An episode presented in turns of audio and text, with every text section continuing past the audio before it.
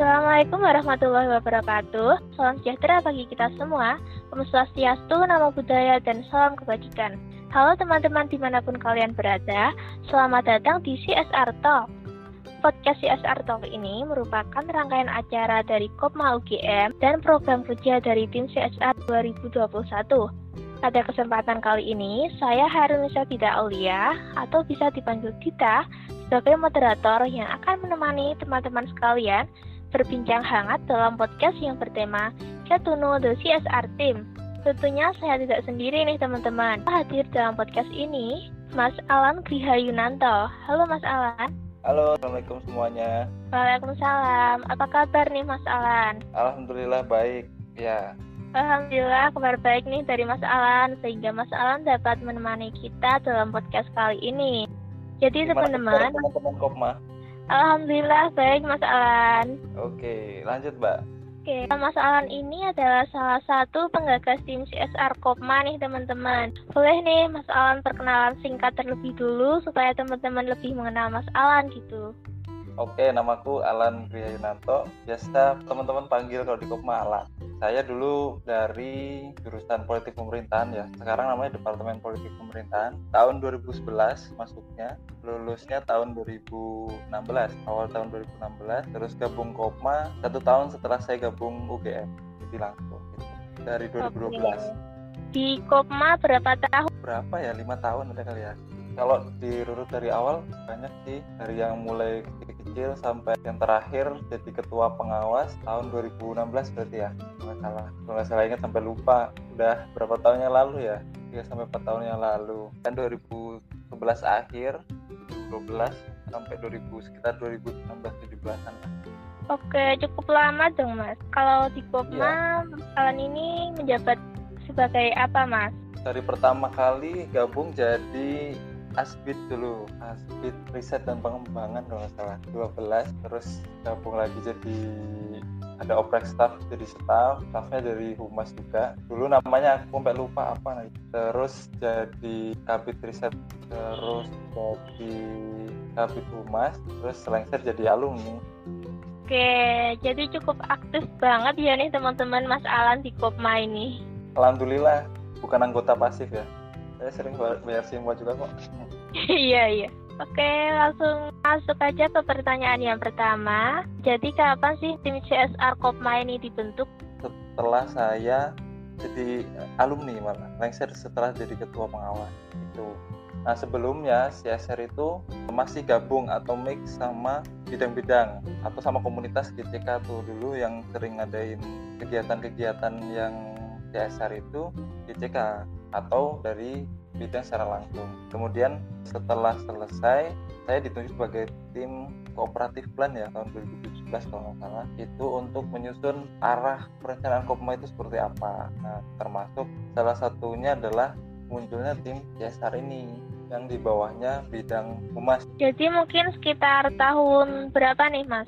2017 kalau nggak salah ya 2016 2017 sih muncul tim CSR-nya ya kalau dulu masih gabung-gabung kegiatannya. Oke, mungkin teman-teman ada yang belum paham nih, apa sih Corporate Social Responsibility atau CSR itu? Bisa Mas Alan jelaskan nih, apa sih maknanya, gimana konsepnya gitu? Secara umum hampir sama seperti di perusahaan ya, CSR. Tapi sebenarnya waktu itu kita bertiga dari tim CP itu ada saya, terus ada Mas Fajri, ada Mas Ahmad, masing-masing dari perwakilan bidang lah ya, istilahnya mewakili. Nah di situ kita berpikiran bahwa kenapa sih kooperasi itu tidak bisa mengadopsi seperti perusahaan-perusahaan gitu. yang mana mereka punya tanggung jawab sosial dan kooperasi pun juga ada kan di nilai-nilai juga ada untuk bertanggung jawab pada sosial dan masyarakat sekitar gitu. Nah, nah dari CSR itu memang tidak jauh dari situ. Prinsipnya hampir sama seperti corporate itu. Tapi sebenarnya dulu pengennya nyebutnya kooperatif sosial responsibility karena kan kita kooperasi ya. Dan memang uh, dia lebih banyak bergerak untuk mengajak ya tim CSR ini untuk mengajak sebuah gerakan gitu ya mengajak teman-teman lain yang dari Kopma ataupun luar Kopma untuk bisa ini loh kita ada gerakan CSR seperti apa yang dulu tuh kita pernah berpikiran untuk Kopma mengajar terus ada Go Green dan sebagainya. Itu kan kayak gerakan ya untuk menyadarkan oh ini sampai dengan saat ini tuh yang lagi happening tuh ini gitu. Nah kita berusaha untuk menjawab tantangan zaman itu dengan CSR itu Oke, jadi itu ya teman-teman Corporate Social Responsibility atau tim CSR ini serta latar belakang pembentukan tim CSR Kopma. Lalu apa sih mas tujuan dibentuknya tim CSR ini? Manfaat untuk masyarakat serta Kopma itu gimana sih? Yang pertama itu menjawab tantangan zaman. Tujuannya adalah ya termasuk Go Green kan sedang banyak nih gitu teman-teman muda yang energik itu menyuarakan soal Go Green gitu kenapa sih koperasi enggak makanya tim CSR ini gitu tujuannya dibentuk terus yang kedua mengaplikasikan nilai-nilai secara lebih real gitu. Kan ada tuh yang terakhir untuk masyarakat dan lingkungan tuh kan. Nah di situlah tujuan dibentuknya tim CSR untuk menjawab ini loh wujud asli dari penerapan nilai-nilai koperasi ini. gitu dan lebih ke pribadi sih tujuannya ya untuk kita memberikan semangat lah untuk teman-teman lain supaya ikut gerakan kita nih. Oke, jadi tujuannya secara umum untuk mensosialisasikan nilai-nilai kekooperasian gitu ya mas ke ya, masyarakat. soft lah gitu, nggak yang nilai kooperasi ini satu dua tiga, tapi gimana dalam jawantah kita sehari-hari gitu, misalnya atau kegiatan kita sehari-hari di koma itu seperti apa gitu. Oke, kalau kegiatan apa aja sih yang udah dilakukan sama tim CSR Kopma? Ya sebenarnya kalau untuk kegiatan nih kurang ini ya, maksudnya kurang karena setelah jadi tim CP, saya sibuk di Jakarta untuk bekerja. Mungkin saya hanya memantau lewat medsos Kopma ya. Yang saya lihat tuh kalau tim CSR itu ya sudah sesuai sebenarnya dengan yang kita rencanakan yaitu kayak ada Kopma mengajar, ada social project, ada oh tuh oh Go Green, dan lain-lain mungkin masih banyak ya termasuk kita ke internal sendiri mungkin ke karyawan kunjungan dan sebagainya kan bisa dikemas tuh dalam kegiatan CSR tuh, kalau saya kan memantau aja nih Wah, oke. Okay. Itu mungkin nih Mas, update dari kita tim CSR 2021. Mm -hmm, boleh sudah semarak okay. ya. Iya.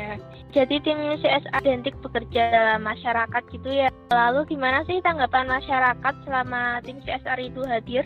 Kalau dari saya melihat sih masyarakat itu pasti sangat mengapresiasi gitu.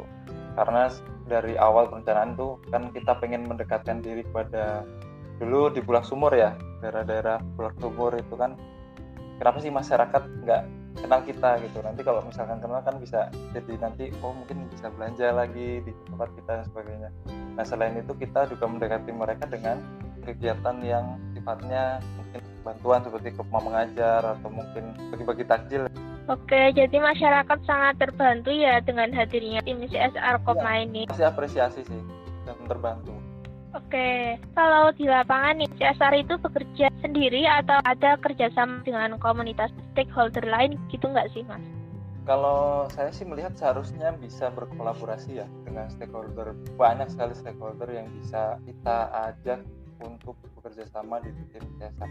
Walaupun misalkan inisiatornya adalah tim CSR, tapi tidak menutup kemungkinan untuk komunitas lain yang ada di Jogja kan banyak banget ya. Termasuk yang komunitas Go Green itu kan banyak. Ini bisa digandeng untuk dari tim CSR mungkin bisa menjalin hubungan ke mereka untuk ayo nih kita gerakan apa? atau ayo tim CSR juga ikut gerakan Go Green apa di hari apa gitu. Misalkan hari air atau apa dan sebagainya. Terus mungkin sosialisasi penggunaan plastik mengurangi plastik. Nah, terus yang lain-lain seperti Koma mengajar kan juga bisa mengajak lain internal juga. Ya mungkin nanti kalau bisa lebih tinggi lagi ya UGM teman-teman UGM untuk ayo ikutan nih volunteer. Walaupun inisiatornya adalah tim dasar mau UGM gitu. Oke, kasih mas sarannya. Mungkin ke depannya bisa untuk referensi bagi teman-teman Kopma dalam menyusun acara gitu ya. Ya, nggak hanya acara sih mbak, kayak misalkan kita mengundang bicara-bicara dari komunitas yang bergerak di bidang lingkungan atau mungkin di anak kayak gitu di UGM kan juga ada mengajar mengajar mungkin bisa kolaborasi dengan mereka oke okay. cakep nih Nah, sepengalaman Mas Ala nih, apakah tim CSR itu pernah menemui kendala atau hambatan gitu nggak sih? kalau kendala sih lebih ke teknis saja ya teknis dan itu bisa diselesaikan dengan baik sih. Maksudnya kayak kan kita mahasiswa ya terus waktunya kan juga kadang sempit terus berhubungan dengan pihak eksternal itu kan tidak mudah. Ya mungkin lebih ke pola komunikasi aja sih mbak mereka hanya untuk mendekati oh kita ini ada apa ada apa gitu. Cara kita menjelaskan ke mereka aja paling yang rada kalau anak-anak baru gitu kayak aduh takut-takut nih gitu. Tapi sebenarnya mereka kan juga tetap apresiasi karena kan kita juga kegiatannya nggak negatif ya ke arah positif. Oke jadi mungkin hambatannya lebih ke secara teknis saja gitu ya mas? Ya komunikasi terus takut tapi overall dari diri kita sendiri paling yang kayak udah oke okay lah maksudnya karena penerimaan masyarakat juga baik dilanjut ke tahap selanjutnya gitu besar lagi harapannya gitu. Oke, lalu menurut Mas Ala nih, apa sih benefit yang bakal didapat dengan mengikuti tim CSR Kopma ini? Itu yang akan didapat oleh kita-kita ini, terutama generasi muda gimana sih? Generasi muda, saya pikir untuk manfaat bagi pribadi ya, itu kan selain untuk aktualisasi diri, terus yang kedua personal branding masing-masing gitu. Karena kan kita terjun dalam suatu gerakan itu kan kayak ini loh kita gitu, menunjukkan bahwa kita tuh seperti ini aware tentang ini kita itu melakukan kegiatan positif seperti ini gitu terus yang kedua tentunya seneng nggak sih kayak membangun kedekatan berbagi share sesuatu kepada masyarakat luas gitu. Yang nggak luas-luas banget tapi di lingkungan sekitar rumah misalkan itu kan bangganya luar biasa. Gitu. itu kan salah satu wujud sumbangsi kita kepada ya mungkin kalau bisa dibilang lebih tinggi negara lah gitu. Nggak usah kelihatan-kelihatan gitu.